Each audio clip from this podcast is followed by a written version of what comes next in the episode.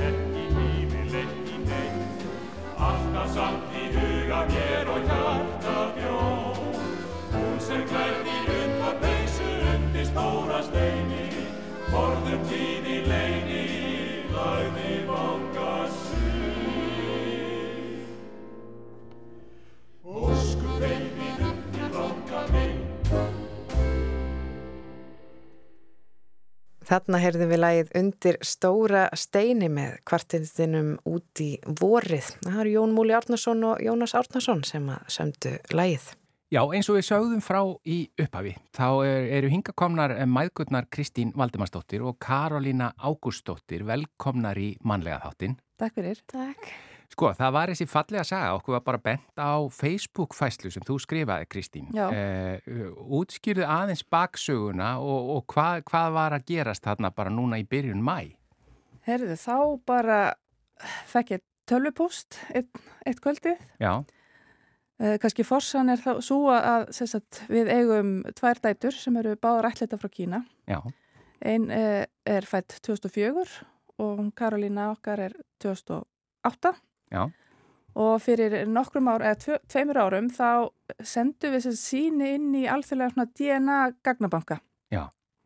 Þannig vorum kannski forveitnar að vita hvort að væri ykkur að núti. Það er náttúrulega alltaf forveitin um, um uppruna sinn. já. Og, Og- sko bara aðeins, þetta með að senda inn síni í gagnabanka og svona, því að við höfum heyrt og séð fréttir af því að, sko hvernig gengur það fyrir sig og hvernig til dæmis, Karolína, hvar fréttir þú af því? Voru það foreldraðinni sem voru búin að heyra það eða hvernig kom þetta til?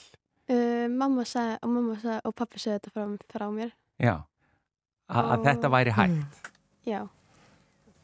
Þannig að þið voru, þú og sýsti þín, Mattildur ekki satt? Já. Þið voru að velta fyrir ykkur hvort að þið mögulega ættuð þá einhver allsískinni eða, eða hálsískinni einhver staður út í heimi.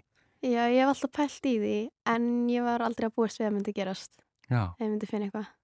Og, og hvernig, hver- hvernig gengur fyrir sig svona eh, að senda inn svona síni og það? Það er ekkert mál. Þetta eru nokkur fyrirtæki sem eru sjáum þetta. Og hérna Íslandi fá, fæst bara próf frá MyHeritage. Þannig við tókum það próf og maður bara þetta svona munnvægt síni Já, sem maður sendi svo bara út og þeir setja þetta inn í, í bankan sinn. Og það kom ekkert út við því þá. Bara eitthvað svona bara mjög fjarskilt sem er eiginlega ekki neitt. Og þannig við sendum sínin inn í svona alþjóðlegan gagnabanka. já. Ég meina þegar þið sendið fyrst inn, þá býðið þið í hvaða langan Það tíma? var ekki tveið þrjá vikur eitthvað leys. Já, Svo getur maður downloada það svona ró niðurstöðum Mm. um DNA-nu og sagt sett inn innan alþjóðlega gagnabanka sem að öll fyrirtæki geta uppljótað upp í. já, það er, það Það er sem sagt mörg líkur. fyrirtæki út um allan heim. Já og ég, sem sagt, að því ég er náttúrulega okkur svona uh, Facebook-grúpum þar sem eru sem sagt ætli, ætlit börn og, foreldrar að leita og, og, og þar sá ég að það væri hægt að setja inn í innan gagnabanka og Já. við hlóðum þangað upp og það svo sem gerist ekkit. Það er örgulega eitt og halvt ár síðan við settum þar upp. Þangað til í byrjum mæ. Þá fekk ég tölupost bara sendu kvöld og, hérna, frá ungri stúlku sem heiti Marin og hún sagði og hún var að leita af upprunnar sínu líka og hún hefði séð á þessum gagnabanka, GetMatch, að það var eitthvað svona sterk tengslar á milli. Og ég náttúrulega fyrir beint inn á, á þennan gagnabanka en sé ekki neinn, ekki neinn tengsl. Já, Svo fer ég bara að sofa og svo daginn eftir þá fer ég að rannsaka þetta meira því hún, hún sendi mér meira upplýsingar og var allan daginn í vinnunni það vann ég ekki neitt. Þá bara var ég bara að googla og skoða alls konar greinar og útskýringar þetta er mjög flókið sko já. og bara niðurstanu svo og hún er líffræðilega allsistir Karolínu. En byrju, er, er það þannig sko að þið þurfið sjálf eiginlega að greina hvort þetta sé rétt? Er, er ekki eitthvað svona, eitthvað forrið sem að getur bara nákvæmlega sagt til um það? Sko, hefði ég séð hana rétt, nefnilega, setna mér að komi ljósa hennar eh, kitt var stilt að okkur research, þannig við sáum ekki hana.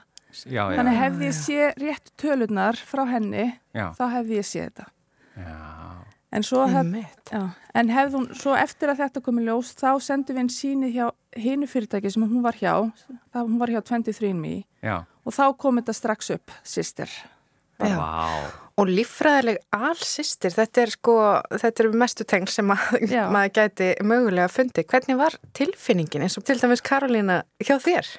Uh, ég var bara ekki búast við þessu og ég var svona glöð en samt surprised svona alla tilfinninga komi. Sko að því þetta er í rauninni, eh, er það er stúlkan sjálf, sýstirinn sem hefur samband við þig, Kristín? Já, að því netfangi mitt var skráð. Já, og, og, og ég meina, hvað fréttir þú og hvað, hvernig heyrir þú þetta, Karolina? Hvað segir mamma þín við þig? Um, mamma var eitthvað, ég var í sundi og hún sagði eitthvað, ég er með surprise fyrir, surprise fyrir þig þegar við komum heim. Já, og síðan kom ég heim og ég náttúrulega bara lengur búin að gleyma þig og síðan þá sagði mér að komin í stofu og ég lafaði bara inn í stofu og bara all fjölskyldan inn í stofu. Og þá sagði hún að ég, hún hafi fundið allsýstu mína Vá, Og og, hafi og þá varst þú komið með þetta alveg á hrein. Já, Hvað var liðin langu tími frá því að hún hafði haft samband við þig? Hvað þurfti bara- þú að sitja á þessum upplýsingum lengi? þetta, þetta var bara hérna þessi dagur sko. Já, Svo beði bara eftir að hún kom heim úr skólanum sko. Já, Þannig að þetta var, og þetta er bara núna í byrju mæ. já, bara í byrju mæ. Og hvað svo? Herru, sýstina heiti sér sagt Marin og býr í Portland í Oregon. Hún er 18 ára, verða 19 ára gömul, var útskrifast úr high school og er að fara í, í hana, háskólanám í, í sálfræði. Bara ótrúlega flott stelpa. Og við náttúrulega byrjum bara að hafa samband svona í gegnum Instagram og þær eru aðeins byrjað að hafa samband. Já, búin að tengjast. Já, Og hvernig líst þér á sýstuðin að skrítið að segja þetta eða ekki? Mér líst bara mjög vel á þetta Já, hún er bara mjög næs og bara svipuð og bara svona já já, eru þið líkar? Já, já við erum alveg finnst- smá líkar helst brosi okkar Já, þegar ég brosi. með tönnunum Já, já, já, svona almennilegt bros. já, Það er svona- það er svona systra svipur með þeim. Já, já, ég hef nú séð myndir af Já. ykkur báðum og ég sé það alveg, alveg klárlega. Já. En hvað, þegar þið lögðu það stað í þetta, að því, að- hvað segir, hvað er langt síðan að það var sendt fyrst inn? Uh, þið í ammálskjöf fyrir tveimur árum og við sendum, þetta inn annað 2001 um haustið, það er eitt og halvt ára eitthvað svolítið. Já, hvað, va- ég meina, hvað, hvernig hugsaði þú þetta þá, Karolína? Varstu mjög vongóð eða var þetta bara eins og að, að kaupa mjög í lottói eða eitthvað?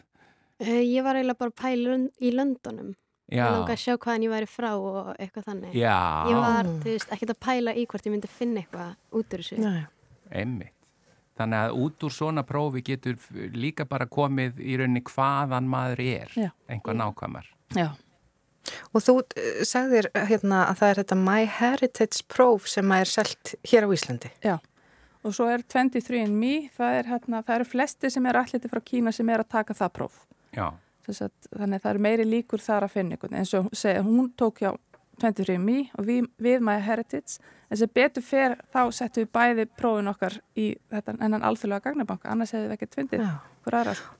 Og þú sagðist áðan hafa verið svona, þú ert inn á okkur um Facebook-hópum og ert búin að stútir þetta svolítið. Já, já, Þannig að þú kannst svolítið vel á þetta. já, já. Eh, en er ykkur Facebook-hópar eh, hér á Íslandi eða er þetta alþjóðlegir eh, svona spjallhópar sem þú ert í? Þetta er meira alþjóðlegt. Þetta er meira alþjóðlegt sko en, en hennar náttúrulega ætliðinga samfélagi heima var náttúrulega mjög spennt þegar ég sagði frá þessu þannig að það er bara vondi fleiri bara taki þátt í þessu því, en segi, maður verður eiga miða til að vinna í lottóinu það er bara svo leiðis En eh, eftir að hafa verið í þessum grúpum og, og verið í samtali við einmitt Já. fólk út í heimi sem er að hugsa sömu hluti eða leita sömu hlutum, hvað, ég meina, hvað finnst þér eh, svona um það eh, hverjir eru líkurnar? Er þetta ekki, er, eru það litlar eða miklar? Eru Nei. margir sem að finna einhverju blóðsískinni eða? það, það eru ekki mikla líkur Mm. Eru, en það er alveg ykkur sem er að finna sískinni sína núti og líka foreldra, það eru meira um að kýmeski foreldra séu að, að taka svona DNA-próf og setja þá inn í eina gagnabanka Já. En- Já, það þarf auðvitað, það er ekki hægt að finna bara fóreldrana nema þau hafi sendt inn eða hvað. það er mjög erfitt í Kína að finna foreldrana Já, nema að- í gegnum eitthvað svona sko. já. Og þið voruð ekki að leita beinilins að því eða hvað, það fóreldra. Nei, Nei, En þetta er bara þannig að þú átt sístur og hún er hvað sér, fjórum árum eldri en þú? já, Já, og svo áttu líka fjórum árum eldri sístur Já. hér heima, Matildi. já Já, en það hefur ekki komið neitt út úr hjá henni en þá. ekki en þá en, en segið, það er alltaf fleiri og fleiri sem er að taka sér próf þannig að eiga þarna sínið í bankanum þá bara eitthvað slíkurnar að gerist kannski eitthvað í framtíðinni Já, hún er inn í gagnabanka Já, já. núna. Og, og hvað svo? Hvað næst? Er þið að plana ferðalög og, og, og allir að hittast eða hvernig, hva, hvernig eru skrefin sem að tekur næst eftir svona fréttir? Já, við áttum nú fyrsta myndsýmtali við um daginn á ammælistegin hennar Karolínu núna 12. júni Til hamingju, 15 ára. og það var bara alveg aðeinslegt og þau eru bara alveg jafn spennt og við og eru bara ótrúlega svipið og við, bara svipum aldri og þau er líka aðra stelpu sem er 16 ára. Já. Þannig að planið er að fara til þeirra í heimsókn eftir ár, í júni eftir ár. Vá. Hvernig var bara, var þetta fyrsta skipti, Karolina, sem þú í rauninni bara hittir hana svona í svona myndsýmtali og spjallar? Já. Og voruð þið feimnar? Já. Hvað segir maður við, við sýstu sem maður er að hitta í fyrsta skipti 15 ára gömul? Sko mamma tala heila bara mest því ég þorði ekki en já En hvernig er sko þið að sjá hana á skjánum og kannski heyra hann að tala mm. og svona voru, sáu þið báðar ég menna það er náttúrulega öðruvís að vera manneskjan sjálf, ser þið eitthvað sem var líkt með þér Karolín og eða þú Kristín eitthvað sem er líkt með Karolín? Ég sá svona þegar pappinar gerði eitthvað pappabrandara þá kom alveg svona svipur hjá Marín sem að svipur, svipur, svipur og Karolina kemur svona smá rolling eyes. Já, ránkvál og augunum. Já, já, svo komist við báður að því það eru báður með mikið ofnæmi og já. svona og, og eitthvað svona. Já, er, en þetta er magnað, allsýstur. Já, þetta er magnað. Já. Þannig að það bara fer til Oregon hvað sé, á næsta ári? Bara næsta ári, júni, við verum að spája að halda upp að 16 ára ammaliðina Karolinu úti í, í Portland með sýstur sinni inni næsta ári. Glæsilegt. Hérna, og þið Karolina eru tengdar þá núna og eru þið að senda eitthvað á milli og eitthvað svo leiðis? Uh, við byrjum ekki að senda eitthvað rosalega mikið en við erum byrjað að senda mjög mikið núna. Já, en spennandi. Ég bara þakka ykkur innilega fyrir að koma og deila þessari sögu með okkur. Þetta er bara þessi hlýjar mannum hjartarættur. Ja, algjörlega. Kristín Valdimarsdóttir og Karolína Ágústóttir. Takk innilega fyrir komuna í, í mannlega þáttun og við bara byggjum að hilsa Matildi og, og nýju sýstinni Marín. Marín. Já, og fjölskyldu hennar Já. í Oregon. Takk því. innilega fyrir komuna. Takk, takk.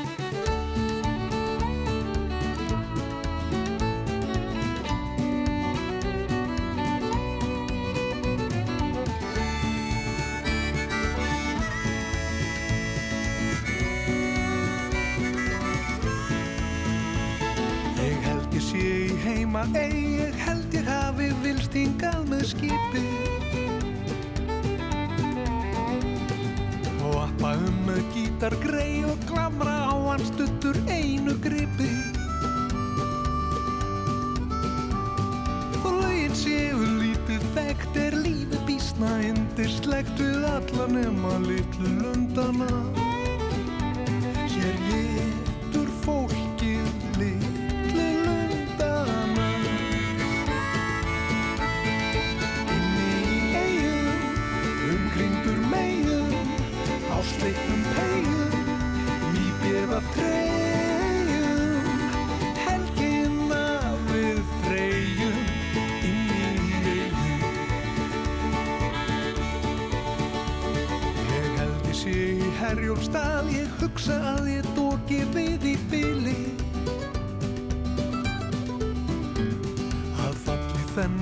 þennan fagra val er fárálega nettur aldur til í.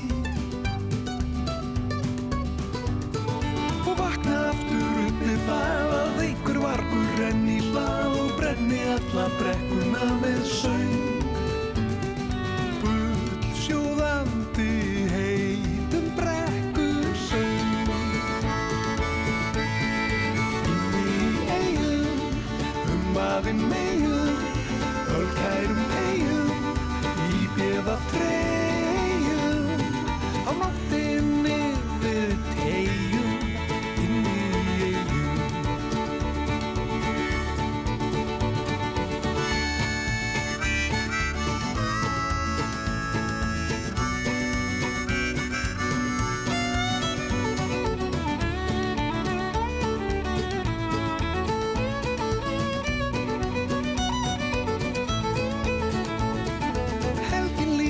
helst til fljótt en ég held að komi önnur nót sem laumast inn í dalinn dálægleg Dalinn sem við elskum þú og ég.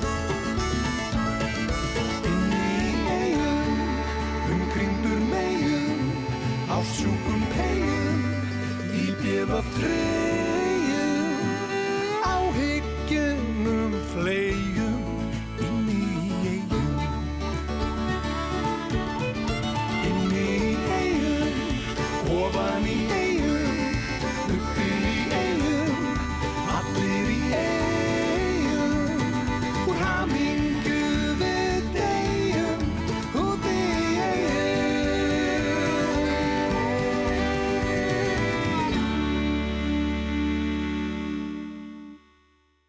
Þetta er hljómsveitin Bakalútur að syngja lægið Inni í eigum eh, eftir Braga Valdimar Skúlason. En nú sendum við boltan til Gíu, þar sem hún er stött í ævintýragarði á Otterargötunni á Akureyri. Ég stend núna hérna í ævintýragarðinum hans Hreins Halldórssonar, alþýðu listamanns. Og þetta er sankallar ævintýragarður. Hér eru svona viðarstittur eða skúlptúrar en líka, ég sé hérna, ímislegt annað hefur notað heldur en viður en, en hér við liðin á mér er hann Hrein. Kondi sæl. Já, blessuð, velkomin. Þessi garður, hvenar byrjaður að gera garðin fullan af, fullan af svona ævintýra verum? Ég flutti yngað fyrir 17 árum og þá byrjaði ég og ég segi stundum að þetta hafi verið uppsöfnu sköpunarþörf í 30 ár þegar ég bjó í tæp 30 ári Reykjavík og hafði enga aðstöðu þannig að þegar ég flytti hingað þá hafði ég loksins tíma og aðstöðu og síðan hef ég bara ekki litið um auksl og þetta er svona afraksturinn af síðustu árum.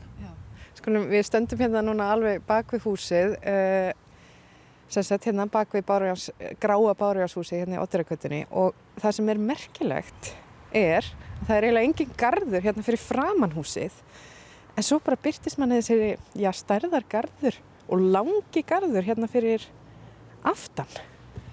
Já, þetta leynir mjög á sig og þetta er óvenju stór lóð sem fylgir húsinu. Það kemur til út af því hvernig göturna liggja hérna.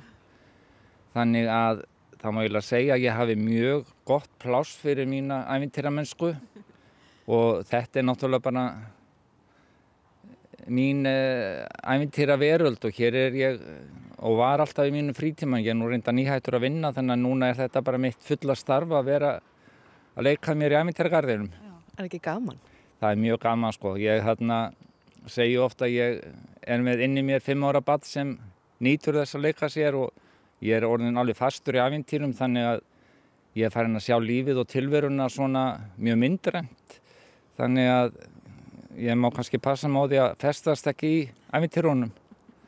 En sko garðurinn þinn fyrir utan, utan stitturnar allar, þá er garðurinn þinn alveg opbóðslega fallegur og, og fallega uppsettur og það er búið að gera svona eh, hlaða svona veggi úr grjóti og hér er búið að gera tjörn og, og það eru ímiskonar blóm. Hvernig var garðurinn þegar þú tókst við húsinu? Þurftur að gera mikið? Já, ég þurfti að gera mjög mikið og það er svo gaman að segja frá því að þegar ég kaupi hér þá var ekki eitt steinn á lóðinni Ég myndi halda að hér sé komið núna hátt í 200 tonn af grjóti og þetta er flutt bara í skottinu á fólkspilumilnum en ég fæ mikla, mikla útrás við að hlaða steinum vegna þess að það er þetta velta honum fyrir sér á svo marga vegu, það er þetta snú honum sko í 360 gráður á þessi liða, upp, liða snú upp eða niður. Þannig að ég fæ líka útrás við að skapa með því að hlaða grjóti og búa til svona grjótgarða með því að móka mig kannski inn í einhverja brekku og búa til vegg og þess áttar. Hvað fegstu við svona í þínu daglega starfi svona þessu svona sem borgaði launin áður en að þú fórst á fullu í æfintryggjarinn? Sko ég vann í Reykjavík fyrst og fremst svona má segja lálaunastarf þar að segja ég var að vinna á veitingastöðum og hótelum og til að hafa það þokkalegt þá náttúrulega var maður í tveimur og þreimur störfum þannig að ég hafði enga aðstöðu eða tíma til að gera neitt í Reykjavík. Þannig að þegar ég flytt hinga þá fer ég að vinna á Hotel Kea og er bara í einu starfi góð frí inn á milli.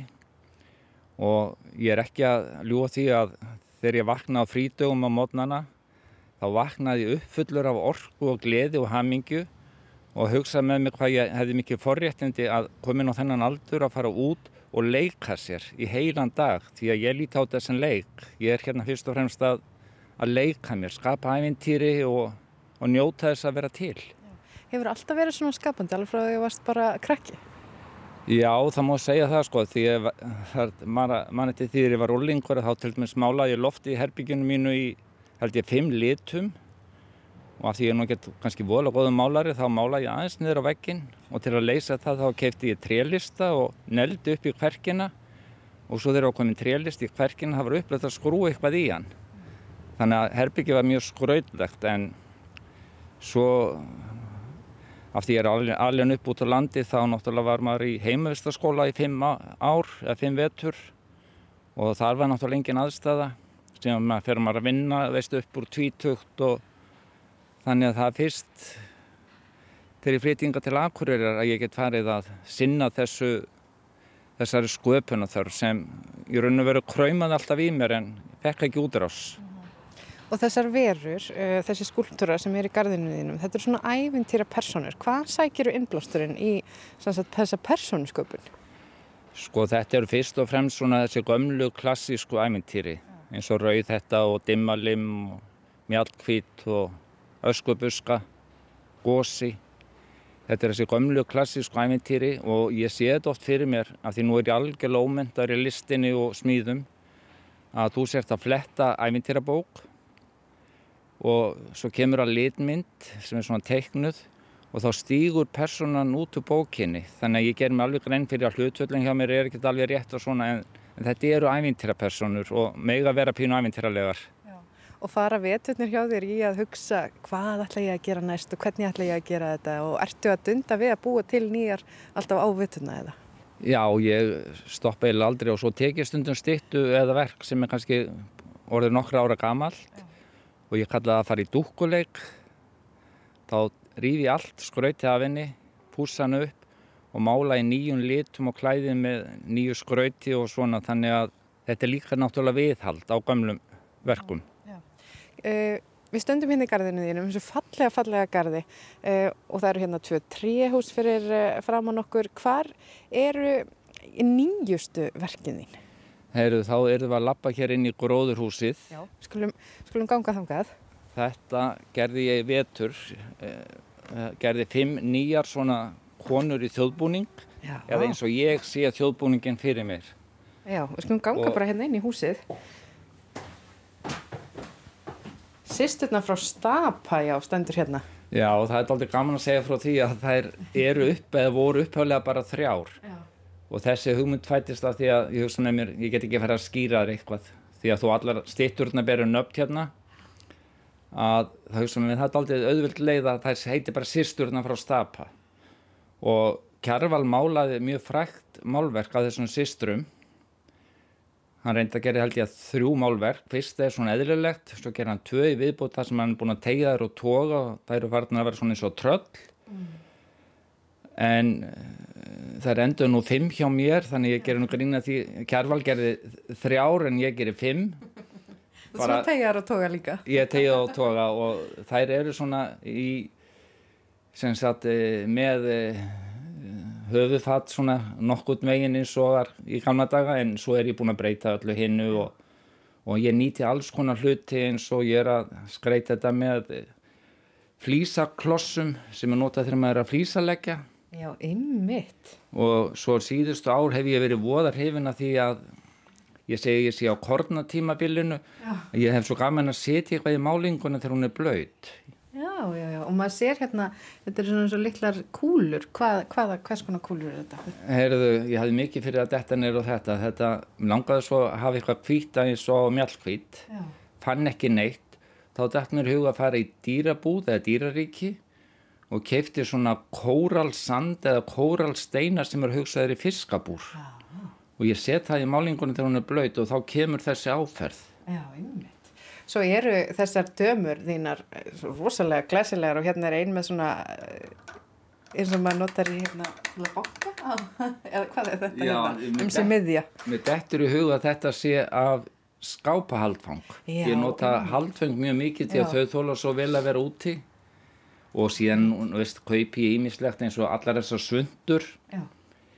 sem þeir eru með. Þetta er eh, diskamottur úr rúmfattalagarnum. Já, heyrðu, veistu, ég get svo svarað að ég á svona diskamóttu þessa gráu hérna heima Já, hjá mér, en ég nota hann ekki sem pils, heldur undir diska. Það er þetta að kaupa þetta í stikkjartalið þannig að ég hef verið að kaupa þetta og svo klippi þetta til í, í svona svundur og síðan nýti ég, ég hef svo gaman að nýta alls konar hluti. Ég er að nota jólaskraut, kvenskart, Já. ég er að nota barnaleikfung sem ég rífi sundur. Þannig að í raun og veru er í mínum huga allt skraut og meiri sé að finnst fólki átt skrítið að sjá eina stittu eða eitt verk hérna sem er skreitt með tannbustum Já. en ég var búinn að safna tannbustunum mínum í fimm ár Já. þegar ég loksins fekk tækifæri til að nýta þá en ég var staðráðin í, í því að ég ætlaði að nota þá í eitthvað sapnar þú svona að þér og er fólk að gefa þér alls konar? Já, veistu, það er ótrúlega hvað fólk er vel viljað. Nú var ég að vinna eins og á KEA í svona vaktavinnu, kom heim svona rúmlega halv átt á kvöldin og ég held í fjögur eða fimm skipti var einhver búin að læðast að bakhörðinni á húsinu Já. og hengja plastpoka með svona kvenskarti eða einhverju dóti á hörðarhúnin og ég hef ekki hugmynd um hverju var að gefa mér þetta þannig að fólk er mjög velviljað mér í sambandi við þetta. Já, en skemmtilegt. Skulum koma aftur hérna út í, út í gardin, úr húsinu. Það er nefnilega, mm, þessi gardurðin, þetta er auðvitað bara eins og. Þú, þetta er svona staður, þetta er áfungastæður og þú ert búin að búa til alls konar spjöld, svona upplýsingaspjöld og því að þú ert með gardin opinn fyrir gesti og gangandi. Hér með bara hver sem er koma og, og spóka sig. Hvernig byrjaður að hafa gardin opinn? Sko, ég byrjaði síðasta sömar Já. en þetta kom til út af því að að því að ég var að vinna ákveða þá þekkti ég marga farastjóra þeir vissum þetta áhuga mál mitt og voru að koma með hópa og þá fannst mér ég alltaf þurfa að vera heim og taka móti hópunum og lappa með þeim um og segja um hvað væri úr hvaða æfintýri og hvaða verk og svona þannig að í fyrra sumar hafði ég gardin opinn, merti allt bæði á ennsku og íslensku Þannig ég segi stundum að gardurinn er sjálfbær þar að segja að fólk getur lappa hérna um og lesi sér til um hvaða æfintýri. Þannig að ég þarf ekki að vera á staðunum og það er alveg ótrúlega það að hana, hvaða gestir ganga bara vel um og svona og, og ég náttúrulega skal alveg viðkynna að ég hefur komið aðast óvart að fullorið fólk sækir daldi í að koma hengað Þannig að ég sá mig tilneitan síðastlega höst að gera svona handrið með tröppum þannig að fólk geti haldið við því að ég er að fá hérna fólk með stafi og, og hækjur og annað. Já. Bara það hinga að sækja allir, allir aldrei hópar.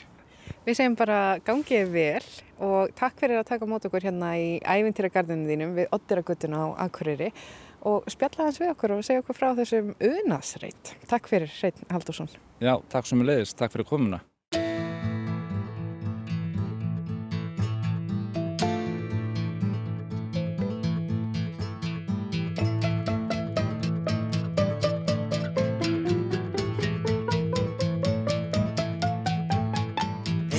Þorvaldsen og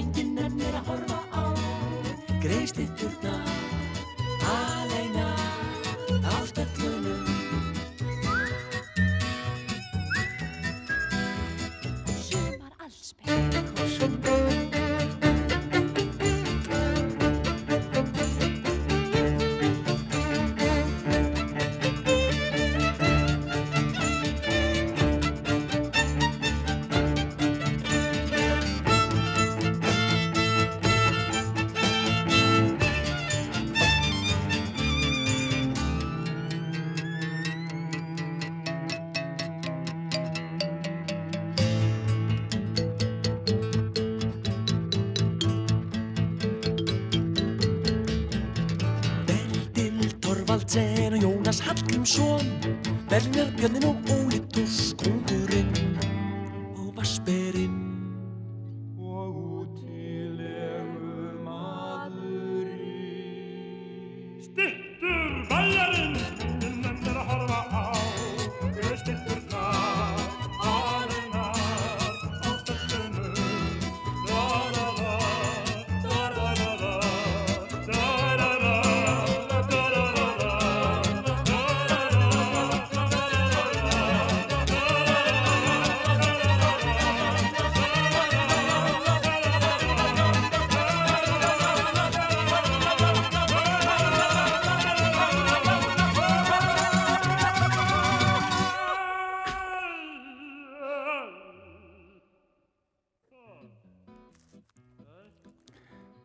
Já, Já, þetta voru stýttu bæjarins. þe- þetta er svakalegur endir á lægi líka. Sko. Þetta er svakalegur endur, já.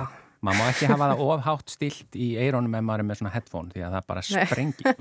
En, en þarna voru talað um stittur sem að enginn ætti að horfa á en hérna við spilum þetta, þetta í kjölfærið á viðtalinu við hann Reyn eh, Haldursson en það er stittur nennir fólk vissulega að horfa á og fólk flikkist þannig garðin til hans. Já, ég googlaði bara hérna Reyn Haldursson og ævintýragarðin mm. og þá komið mitt uh, myndir af einhverjum miðlum, netmiðlum og, og, þetta er mjög flotta stittur Já, virkilega. Já. En þá í annað? Já, í dag er alþjóðadagur flottafólks og hingaður er komin Átni Kristjánsson, ungliða og aðgerastjóri Íslandsdeildar Amnesty International og Gíja Svavastóttir, frankandastjóri Tungumálaskólans Dósavesmiðunar. Velkomin í manlega þáttinn. Takk, takk fyrir. Það er uh, þessi viðbörður sem er í dag, sem kallast sögubóð. Hva, hvað er það? Já, sögubóð er sérsagt viðbörður sem við frumreindum í fyrra og heitir nefnist á ennsku Story Sharing Café og við fengum einmitt á svona uh, ábendingu um það að þýða í fyrra hafa títilin á íslensku og leifa sér öðrum tungumálum að, að bætast við Já. frekar en að hafa þetta yfirlýst á ennsku en ég læri sérsagt þessa aðferð frá kollegum mínum í Amnesty International á Norðurlöndunum. Og þá sérstaklega sérst frá finsku deildinni þar sem sá sem vinnur mitt starf þar uh, heitir Alla og er frá Írak mm. uh, og hann hafði þá notað þessa aðferð til að spórna gegn fordómum ekki bara út af málefnum flótafólks heldur út af geðheilbriðismálum, út af kvennréttindamálum uh, allstað notar hann þessa, þessa aðferð og með þess að utan amnesti og hann sérst kennir mér þetta og, og ég frumreininda reyndar áður en ég var búin að prófa að gera þetta með honum þannig ég svona bara fekk uppskriftina og svo bara prófaða með mm. þar og meðal með gíu og nú erum við að gera þetta aftur núna ári, búin að læra aðeins meirum þetta, langar að endurbæta þetta og, og sagt, dósa verksmiðan, tungumálaskólinn, kemur núna inn sem meira svona virkur samstarfsaðili af því að við fundum það að það að tólka milli tungumála, við kannski útskýrum betur út af hvað það gengur, Já. það er svo stór hluti af öllu dæminu. Útskýrum það bara aðeins, hérna, Gíja Svavastóttir frá Dósafesmiðinni sem að, einmitt, tungumála skólinn Dósafesmiðan, það semst ekki verið að niðursjóða neitt þar. Nei, nei. Nei, nema mögulega kannski tungumálið, en nei, nei, það fer í fullum gæðum í dósirnar og fólki. Ég, sko, hugmyndin er svo að þetta eru tómadósir sem fólk fær. Já, já. Því við erum aldrei að selja neitt, nema uh, við erum bara að byggja upp þekkingu, þannig að fólk situr í þessi ímyndu tómadós en það fær hjá okkur það sem því líka best. Þannig ef það er íslensk málfræði þá fer hún þangað. Já, já. Ef það er hérna, viðburður eins og í kvöld, já. þá fer það þangað. Og þeir eru rétti aðeins til að tala við því að þarna er bara fólk, þið viti í rauninni ekkit nákvæmlega hverju koma í kvöld eða, eða eftir, þetta er klukkan 5 ekki satt? Jú. Jú. Uh, já, við vitum við veitum hverjum við höfum bóðið. Já. Um málið það að við sérst bjóðum strategíst á þennan viðburð uh, öllum hag aðilum sem tengjast málefnum flótafólks ásamt því að setja plakut út um viðanvöll og, og auglista á samfélagsmiðlum. Þannig að hugmyndin er að, að við getum öll komið jamt að borðinu til þess að tala um, um hverstagslega hluti. Og þá er sérst á hverju borði er svona gestgjafi sem stýrir umræðu og tekur þátt í umræðinni og uh, það eru fimm spurningar, eða fjö, nefnir fjóra spurningar sem við vinnum út frá þar sem eru sko eins og bara áttu góða sögu af gæludýri eða mm. hefur einhvern veginn unni vinnu sem þið fannst leiðinleg og, og þannig geta hver sem er óháð trú, kyni, uppruna deilt um, þessum svona manneskilegu kannski þáttu sem við tengjum all við en, en tengjast kannski ekki hvar við staðsetjum þau í samfélaginu. Já.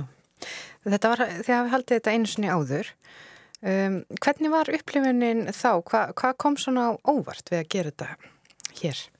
Þetta var í rauninni alveg stórkostlegt. Uh, uh, ég semst kem, eða við hjá tungumálaskólunum komum það inn með tólka og með borstjórnendur en fyrst og fremst þá lítum við á okkur sem þáttakendur og enn meira eftir einslunni fyrra vegna þess að þetta var alveg hugljómun.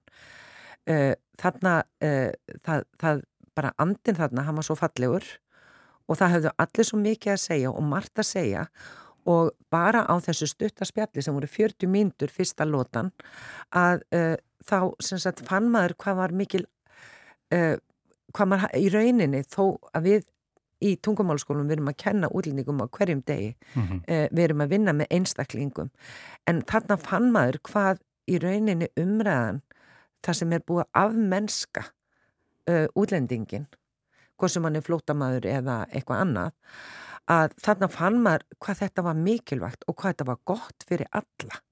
Og mikil vilji til að tengjast Já, hjá, hjá öllum sem komu að borðinu. Já, og í rauninni auðvitað það hafa verið miklar, miklar umræður uh, undanfarið og heitar og að, í alls konar áttir. En þarna er í rauninni bara, það er ekki pólitík sem er verið að fara að ræði þetta. Þetta er bara verið að segja mannlegar sögur. Fólk að bara segja sínar persónulegu sögur af bara hinn og þessu. Já, einmitt og, og hérna þannig kannski gott að nefna að alþjóðadagur flótafólks ástæð fyrir gerum þetta í tilefna honum Já.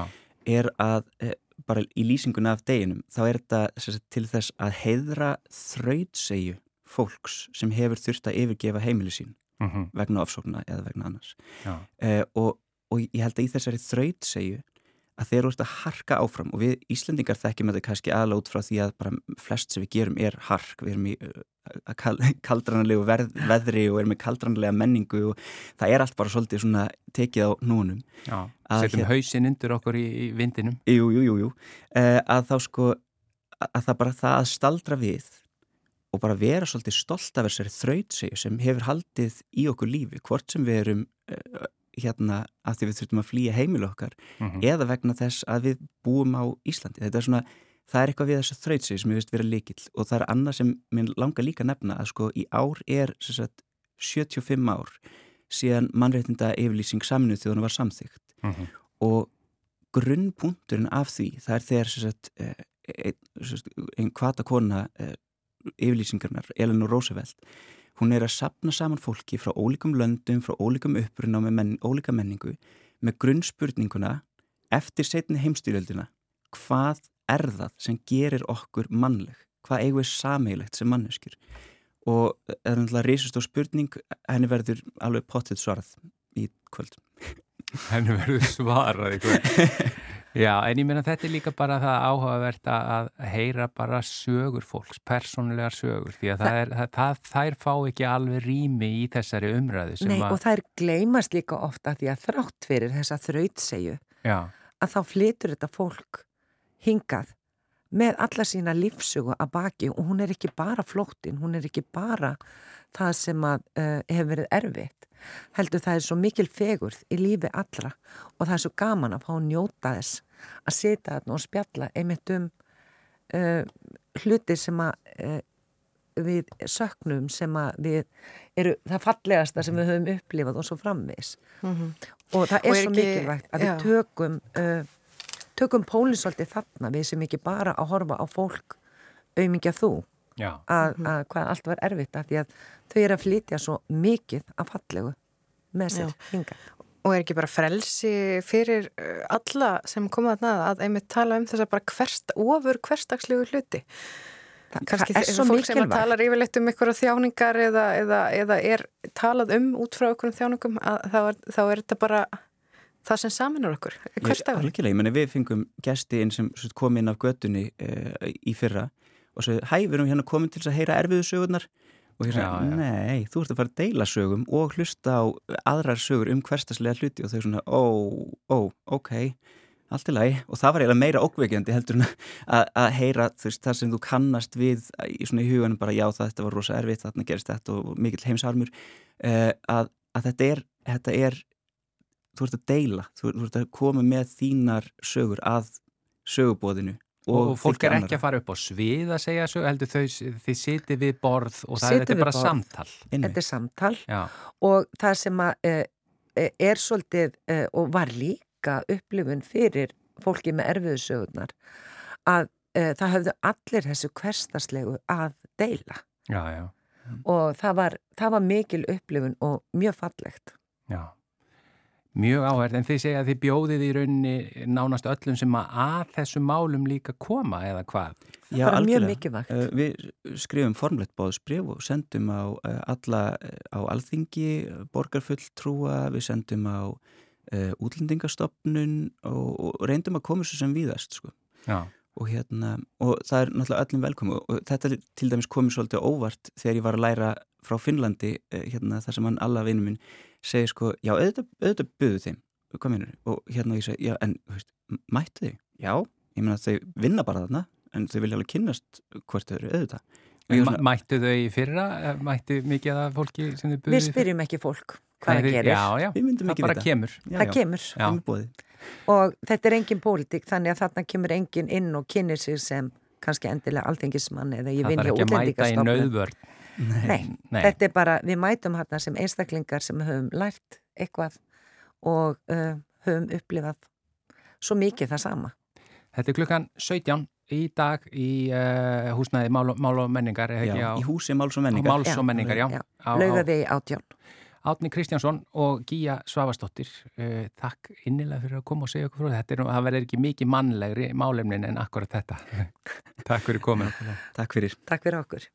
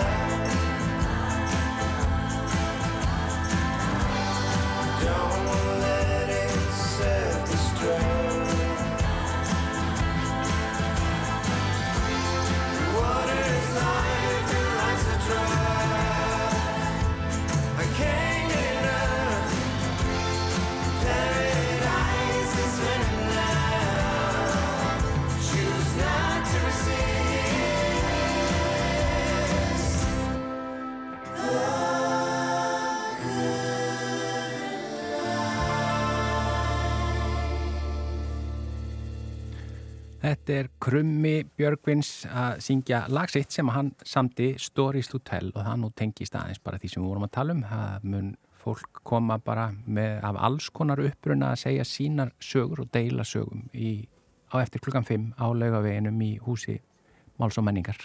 Já, skemmtilegt. Það er gaman að tala um svona ofur hverstagslega hluti. Það er alltaf gaman. Já, já, ég minna það er bara það sem við eigum öll sammeilegt, sko. Já, akkurat. En það komið að lókum hér í manlega þættinum í dag. Við verðum þetta hér aftur á morgun á sama tíma. Takk einlega fyrir samfélgina. Verðið sæl.